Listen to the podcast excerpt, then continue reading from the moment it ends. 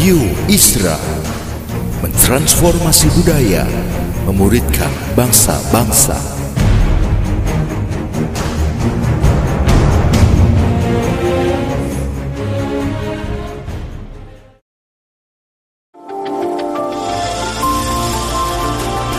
Voice of Pradaim menyuarakan paradigma kebenaran firman Tuhan yang esensi untuk memperlengkapi Anda menggenapi misi dan panggilan ilahi. Selamat mendengarkan.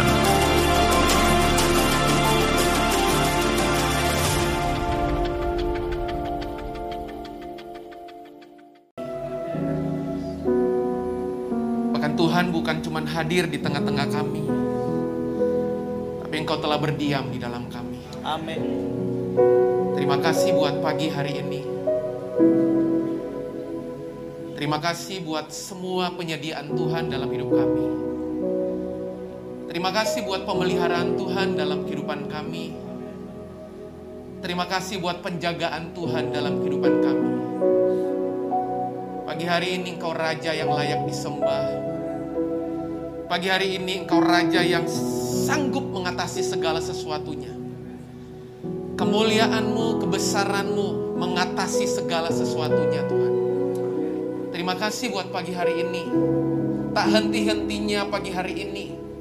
Kami bersyukur setiap hal yang Tuhan mau akan kerjakan dalam kehidupan kami, kami percaya mendatangkan kebaikan. Terima kasih, kami mau duduk diam. Kami mau tenangkan hati kami, kami mau arahkan pandangan kami. Hanya kepada firman-Mu yang akan menolong, yang akan mengokohkan, yang akan menguatkan kami pagi hari ini. Di mana pun kami anak-anakmu mendengarkan pesan ini, baik kami yang ada di onsite maupun kami yang ada online Tuhan. Kami nggak luput dari kasih sayang perhatian Tuhan pagi hari ini.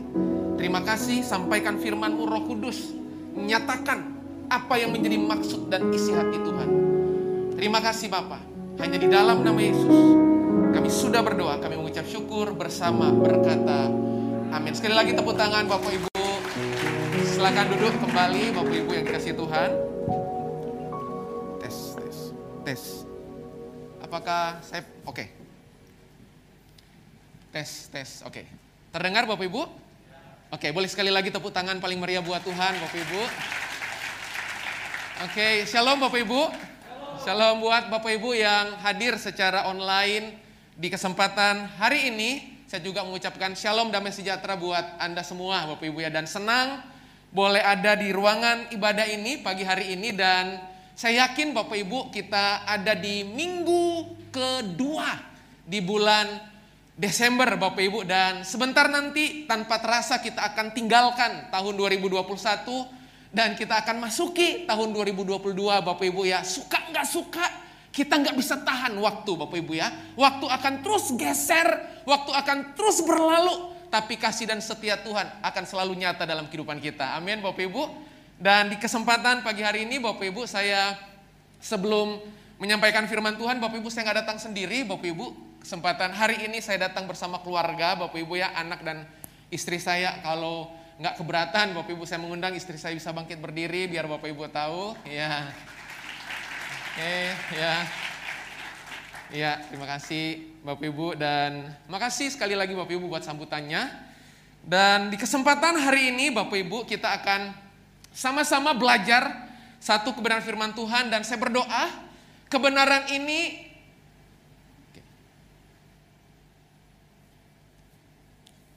saya lupa Bapak Ibu ya. Baik Bapak Ibu ya. Oke. Baik Bapak Ibu, kesempatan hari ini kita akan sama-sama lihat satu bagian, satu pelajaran penting yang saya pikir di kesempatan hari ini Bapak Ibu harus memahaminya. Bapak Ibu harus mengetahuinya sebab kekristenan itu bukan cuma Tuhan menyertai kita, tidak. Kekristenan itu bukan cuma Tuhan ada bersama kita, enggak Bapak Ibu.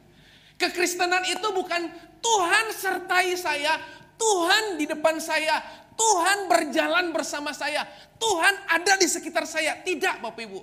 Kekristenan itu adalah Tuhan berdiam di dalam saya. Amin Bapak Ibu. Nah, kita sama-sama akan melihat bagian ini dan saya mengundang Bapak Ibu melihat dari kitab 1 Korintus pasal yang ketiga ayat ke-16. Ada beberapa ayat yang akan saya bukakan buat Bapak Ibu di kesempatan hari ini. 1 Korintus pasal yang ketiga ayat 16 buat Bapak Ibu saudara yang ada di rumah bisa membuka 1 Korintus 3 ayat yang ke-16.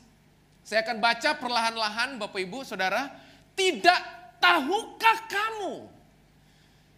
Paulus mengingatkan kepada jemaat di kota Korintus dengan kalimat pembukaan yang Bapak Ibu mesti kasih perhatian di situ.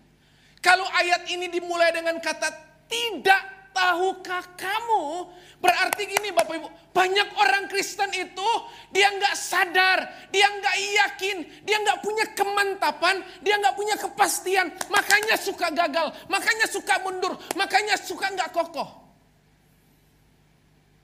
Makanya kita bilang tidak tahukah kamu?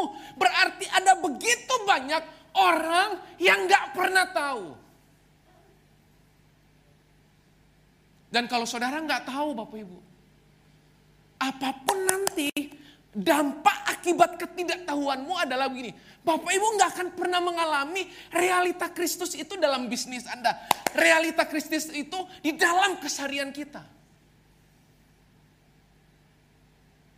Tidak tahukah kamu bahwa apa? Siapa di situ? Kamu. Itu Bapak Ibu. Aduh, Alkitab itu udah sampai personifikasi, udah personal banget. Tidak tahukah kamu bahwa kamu adalah bait Allah?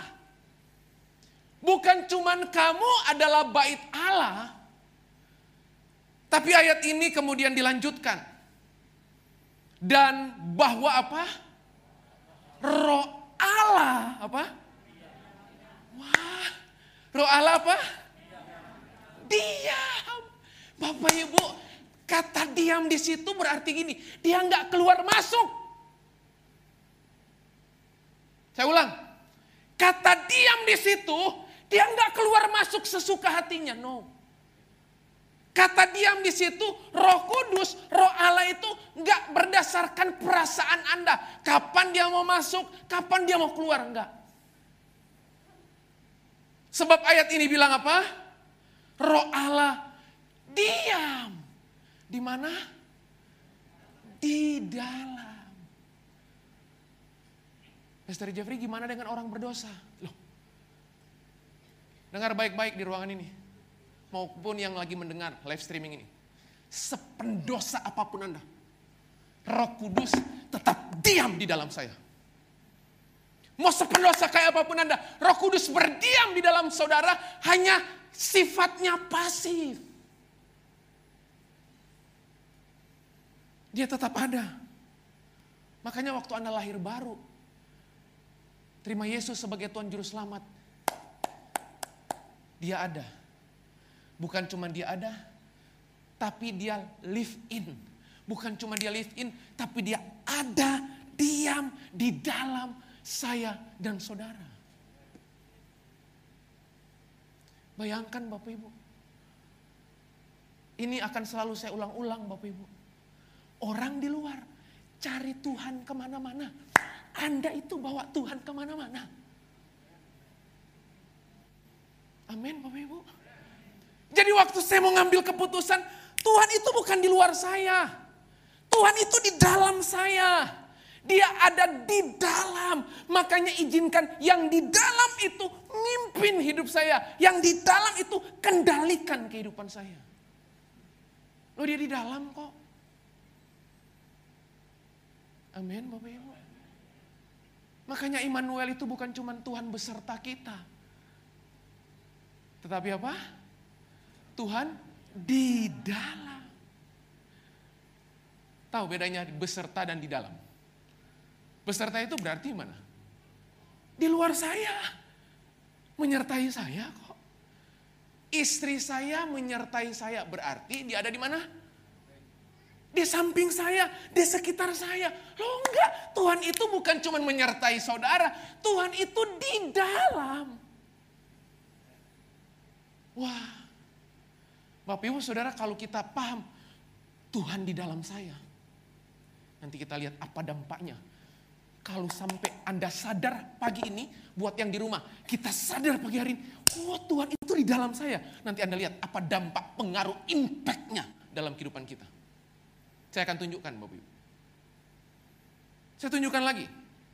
Yohanes pasal 14, ayat 16 sampai 17. Yohanes pasal 14, ayat 16 sampai ke 17. Wow. Aku akan minta kepada siapa? Oh. Bapak Ibu kalau berdoa mintanya apa? Saya yakin apa yang Anda minta penting gak? Oh penting. Nah Yesus berkata begini, aku akan minta kepada Bapa. Berarti sejak awal Yesus itu tahu kalau nggak ada yang satu ini, kita nggak akan mungkin punya kekuatan menjalani, melangsungkan kehidupan. Nggak mungkin. Aku akan minta kepada Bapa dan ia akan memberikan kepadamu seorang penolong yang lain supaya ia menyertai kamu selama-lamanya yaitu roh kebenaran. Perhatikan ayat berikutnya. Dunia tidak dapat menerima dia Sebab dunia tidak melihat dia dan tidak mengenal dia. Kalimat penutupnya bagus banget Bapak Ibu. Sebab apa? Tetapi kamu mengenal dia sebab apa? Ia menyertai kamu bukan cuma menyertai. Tapi apa? Dan akan diam di dalam kamu. Jadi waktu Roh Kudus dicurahkan, ini kan belum.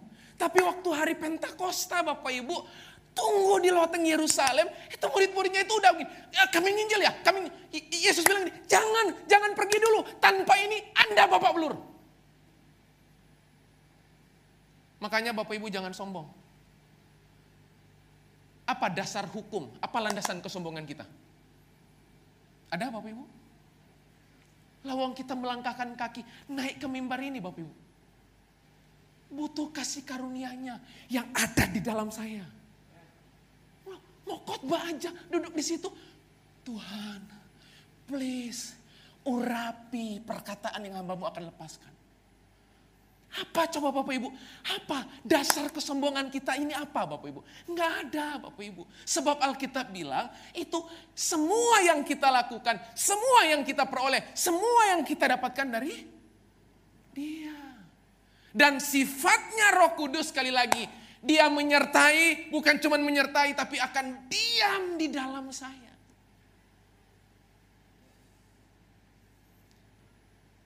Jadi nggak perlu diundang-undang Bapak Ibu. Sebab dia ada di mana? Kalau Bapak Ibu undang, berarti dia ada di mana?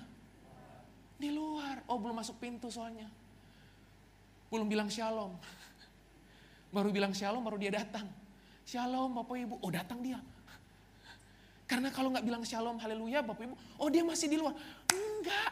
Waktu Anda dan saya lahir baru Alkitab bilang dia permanen sifatnya untuk selama-lamanya sampai kapan pun. Amin Bapak Ibu. Yakin pagi hari ini saudaraku? Amin ya Bapak Ibu ya. Kita lihat lagi Bapak Ibu. Ada beberapa ayat. Galatia pasal 2 ayat ke-20. Saya tunjukkan beberapa ayat. Galatia pasal yang kedua ayat 20. Namun aku hidup. Namun saya hidup. Namun saudara dan saya hidup. Tetapi apa? Bukan lagi aku sendiri yang hidup. Yo. Saya hidup, saya hidup. Tapi bukan aku sendiri lagi yang hidup Kalimat berikutnya bilang apa?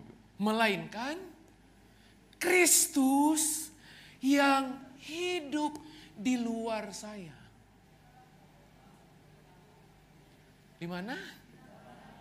Di dalam. Tinggallah di dalam aku dan aku di dalam kamu. Jadi Bapak Ibu hari ini saya cuma mau ingatkan, saya mau teguhkan, saya cuma mau ingatkan, pastikan lagi bahwa dia itu di dalam saudara.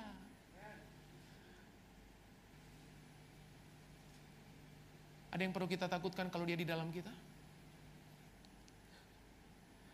Kekhawatiran saudara adalah bentuk penyembahan kepada persoalan. Saya ulang. Waktu saudara khawatir, Bapak Ibu yang di rumah khawatir, Bapak Ibu lagi worship, lagi nyembah. Nyembah kepada siapa? Kepada persoalan. Makanya persoalan jadi Tuhanmu. Lawang tiap hari disembah. Bangun tidur, nyembah. Mau tidur, nyembah. Sampai kemudian dari tidur sampai nggak ketiduran loh Bapak Ibu. Kita nyembah terus persoalan. Seakan-akan gini, kita nggak sadar bahwa di dalam saya itu ada kuasa yang jauh lebih dahsyat, jauh lebih besar. Yang akan mengatasi segala perkara. Kalau Bapak Ibu sadar kalau kita di dalam loh. Amin Bapak Ibu. Wow. Satu ayat lagi Bapak Ibu ya. Setelah itu kita masuk dua poin dan saya selesai. 2 Korintus pasal 13 ayat yang kelima. Buat Bapak Ibu yang di rumah, saudara yang di rumah, 2 Korintus pasal 13 ayat yang kelima. Firman Tuhan menulis, ujilah apa? Dirimu sendiri. Apakah kamu tetap tegak di dalam iman? Selidikilah dirimu. Jadi bukan cuma diuji, tapi diselidiki Bapak Ibu. Selidikilah dirimu apakah kamu tidak yakin akan dirimu bahwa Kristus Yesus ada di mana? Ada di dalam. Emang Yesus dan Roh Kudus cuma ada di hari Minggu, Bapak Ibu? Enggak. Bapak Ibu, di semua tempat, di segala tempat. Sebab dia telah berdiam di dalam diri Anda. Berarti ke mana-mana Anda pergi, ke mana-mana Anda jalan, ke mana-mana Anda berbisnis, ke mana-mana Anda berpikir, ke mana-mana Anda berdoa, ke mana-mana Anda memutuskan sesuatu. Dia ada di mana? Di dalam saya. Dia di dalam saya. Kalau dia di dalam saya, harusnya, akibatnya, dampaknya, dia pimpin saya Bapak Ibu. Kenapa sulit dia pimpin saya? Karena dua alasan. Kita nggak sadar, kita nggak pernah tahu dia di dalam saya. Yang kedua, kita masih hidup untuk diri kita sendiri, egosentris.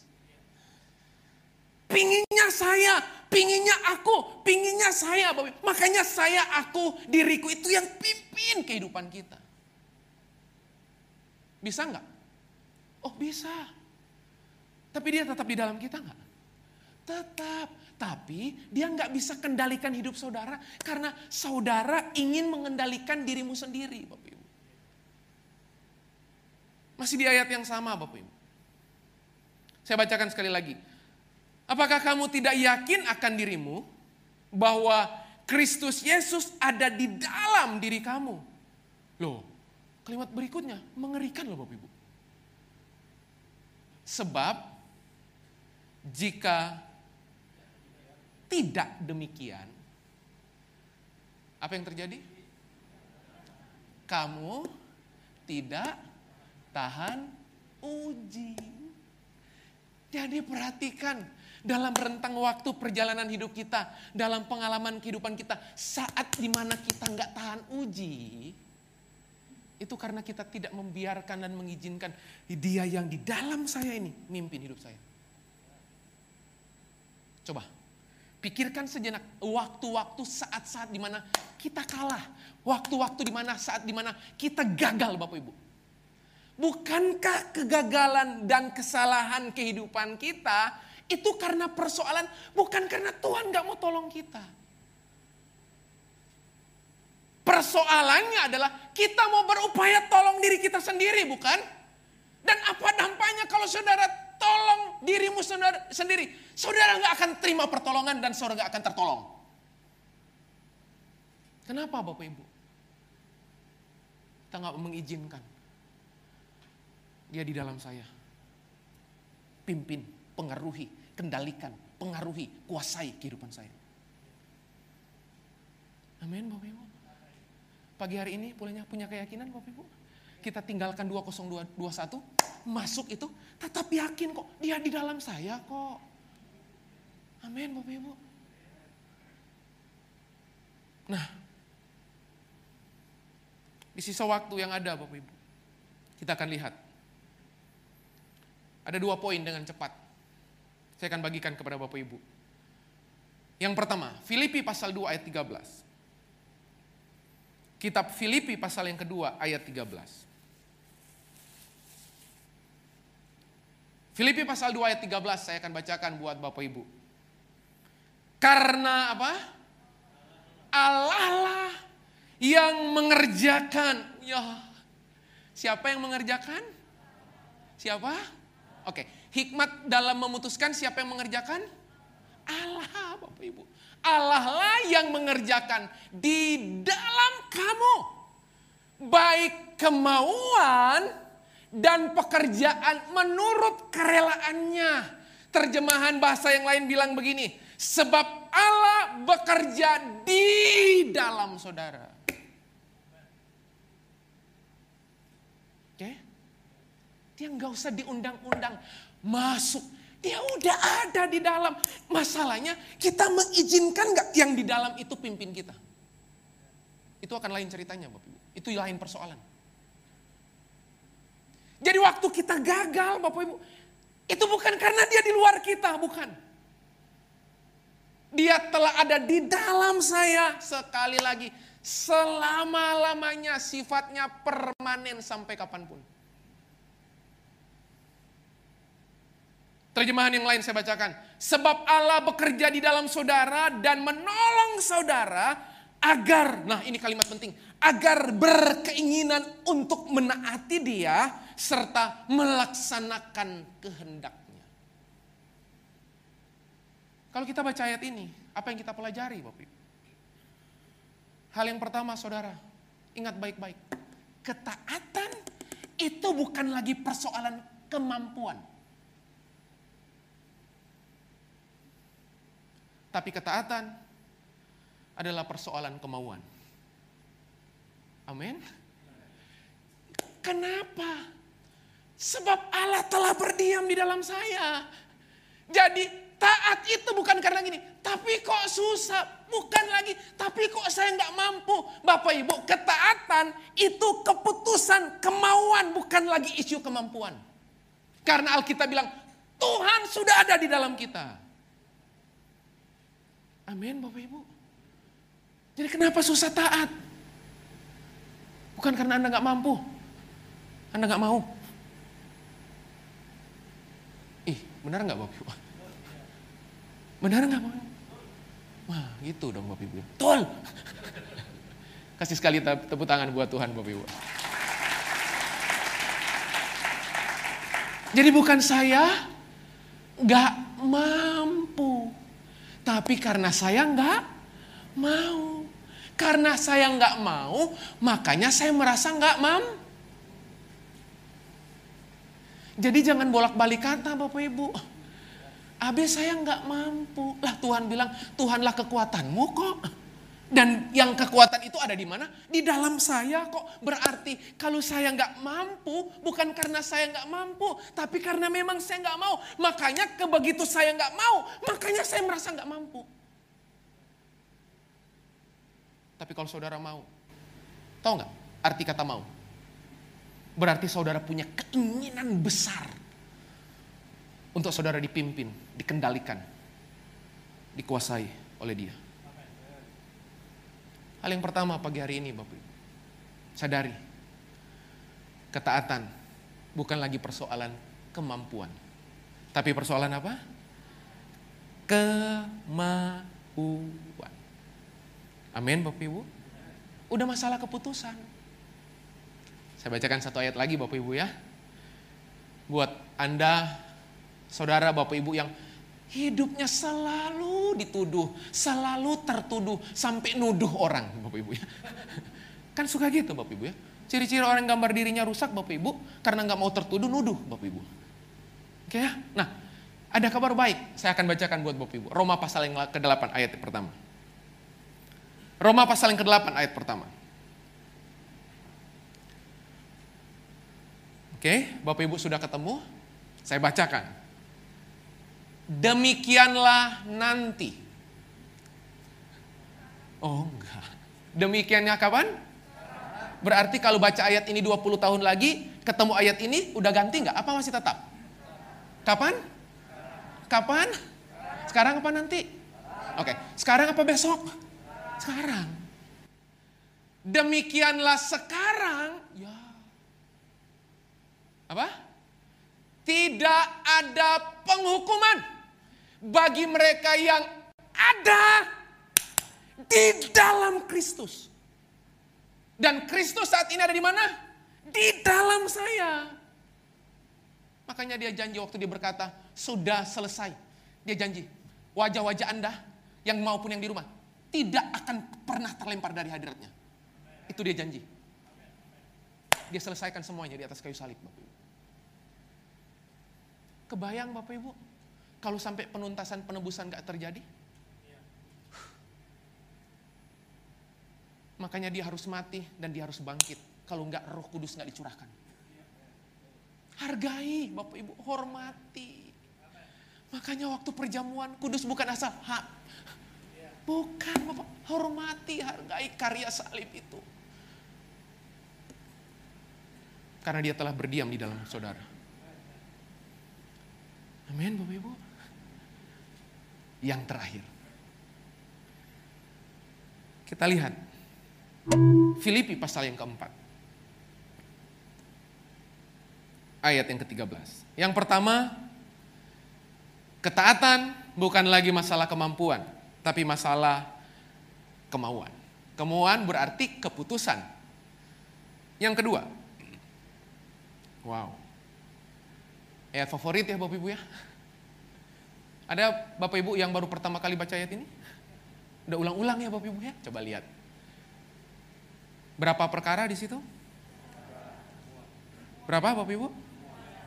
Semua ya? Tahu semua? Segala ya? Ada lagunya ya Bapak Ibu ya? Segala perkara dapat kutanggung. Perhatikan. Segala perkara dapat kutanggung. Coba. Perkara apa yang hari ini lagi bersama melekat di menjadi beban kehidupan saudara? Ayat ini berkata begini, harusnya saudara akan berkata, segala perkara dapat kutanggung. Dapat saya tanggung, bukan karena pengalaman saya. Saya dapat tanggung bukan karena semata-mata iman saya. Dapat saya tanggung bukan semata-mata kekuatan kemampuan yang saya punya. Tapi Alkitab bilang segala perkara dapat kutanggung di Pantas saja Orang yang gak pernah sadar dia di dalam Kristus, Kristus di dalam dia. Tergoncang kehidupannya. Anda pernah lihat orang-orang yang mengalami badai kehidupan, kehidupan yang menghancurkan kehidupannya. Tapi Bapak Ibu, makin ada badai, Bapak. Itu nggak tahu kenapa karakternya makin kokoh Bapak Ibu. Kekuatannya makin bertumbuh Bapak Ibu. Itu kenapa? Karena Alkitab jelas bilang segala perkara dapat saya tanggung di dalam dia yang memberi kekuatan kepadaku. Berarti kekuatannya selalu tersedia nggak Bapak Ibu? Selalu. Masalahnya yang selalu tersedia itu anda bukan cuma sekedar mau ambil nggak, tapi Anda mengizinkan kekuatan yang selalu tersedia itu pimpin kehidupan saudara. Makanya nggak ada yang perlu kita takut. Amin Bapak Ibu. Nggak ada. Karena apa pun yang terjadi dalam kendali dia. Gak ada yang di luar kendalinya. Tapi Pak, banyak orang mereka-reka yang jahat. Loh Alkitab bilang orang reka-reka yang jahat, dia reka-reka yang baik buat Anda. Ada ayatnya kok. Jadi segala sesuatu yang mungkin orang berbuat jahat sama saudara, dia hadir mendatangkan kebaikan. Apa saja dan apa pun, siapa pun Alkitab bilang, justru di dalam dia yang memberi kekuatan kepadaku. Saya akan bacakan terjemahan yang lain. Di ayat yang sama. Wow. Saya bisa menghadapi segala keadaan karena Kristus yang wah ini kalimatnya bagus banget Bapak Ibu. Yang selalu memberi kekuatan kepada saya. Saya ulang ayat ini. Saya bisa menghadapi segala keadaan. Karena Kristus yang selalu. Harusnya Bapak Ibu mendengar kata selalu. Itu Anda itu akan selalu damai di tengah badai. Lawang selalu kok. Kenapa Anda ragu? Ya simple, karena Anda itu nggak percaya pada kemampuan Tuhan. Ada banyak orang Kristen ini yang gini, yakin Tuhan mampu, tapi nggak yakin Tuhan mau. Banyak orang Kristen hari ini dia yakin dengan kemampuan Tuhan, dia yakin dengan kuasa Tuhan. Tapi pertanyaan, dia mau nggak? Tuhan mau nggak tolong saya? Itu karena nggak pernah sadar bahwa Kristus yang berdiam di dalam saya itu akan selalu mengizinkan apa pun, tapi dia akan kendalikan segala sesuatunya. Amin Bapak Ibu. Jadi pada saat ini, pagi hari ini Bapak Ibu, waktu Anda berkata Immanuel. Dia bukan cuma sekedar Tuhan beserta saya. Tapi dia, apa? Di dalam saya. Amin Bapak Ibu. Satu ayat penutup dan kita selesai Bapak Ibu. Pemain musik bisa bantu. Saya akan selesai. Masih di poin yang kedua Bapak Ibu. 1 Korintus pasal yang ke-10 ayat yang ke-13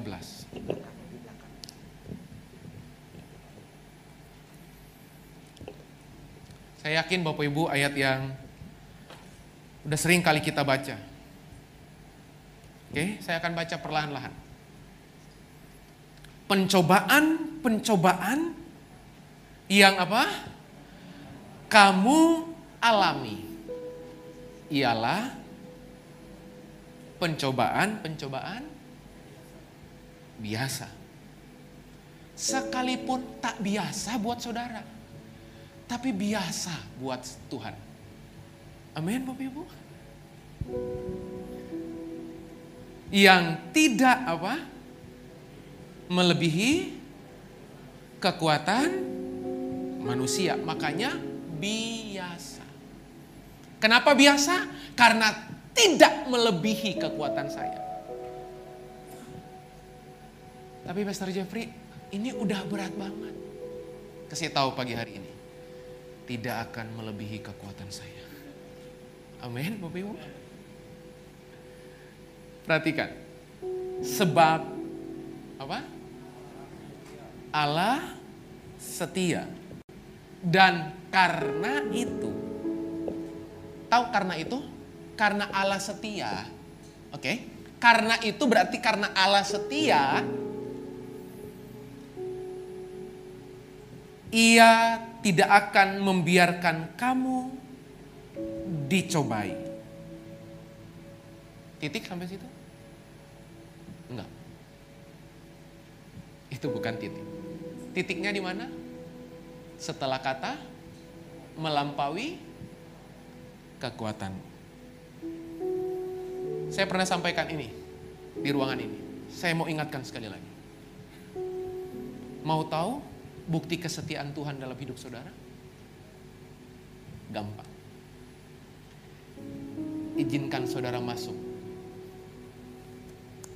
pada skenario pencobaan yang Tuhan izinkan. Karena Alkitab bilang, bukti kesetiaan Tuhan justru saudara lihat waktu saudara mengalami pencobaan, tapi tidak akan pernah melebihi kekuatan saudara.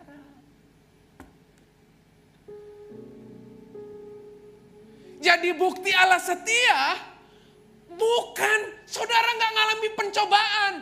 Saya meragukan kesetiaan model Allah kayak gitu. Saya ulang. Kalau saya berkata begini, bukti kesetiaan Tuhan, Tuhan nggak mengizinkan uh, pencobaan. Saya ragu dengan Tuhan yang saya sembah. Justru saudara ingin membuktikan dia setia. Alkitab berkata, firman Tuhan nulis, kita akan mengalami pencobaan. Kita akan mengalami persoalan. Kita akan mengalami pergumulan. Tetapi tidak melampaui Ada kelanjutan ayat ini? Oh ada. Bapak Ibu pasti tanya, terus jalan keluarnya di mana? Nah, firman Tuhan nulis, pada waktu kamu berarti ada waktunya nggak Tuhan izinkan pencobaan? Loh, ada lawang di situ ditulis pada waktu kamu dicobai. Ia yang telah berdiam di dalam saudara akan memberikan kepadamu jalan pintas. Apa? Jalan buntu. Oh, bukan. Jalan? Tahu artinya jalan keluar? Yang di rumah perhatikan baik-baik. Jalan keluar itu gini Bapak Ibu, jalan aja. Sampai saudara keluar. Loh iya. Tahu jalan keluar? Jalan aja. Nanti dia tuntun. Saudara jalan terus. Sampai saudara ketemu exit door.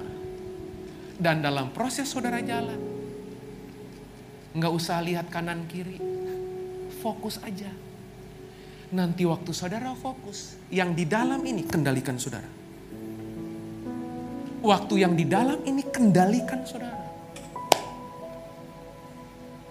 saudara akan lihat realisasi janji Tuhan dalam hidup saudara. Amin. Dan kalimat penutupnya, jangan lupa. Sehingga kamu dapat menanggungnya. Jadi hari ini Bapak Ibu Saudara yang dikasih Tuhan. Jangan jadi Kristen lebay. Aduh udah gak mampu. Tuhan yang mampukan. Amin. Aduh, udah nggak sanggup. Tuhan yang sanggupkan.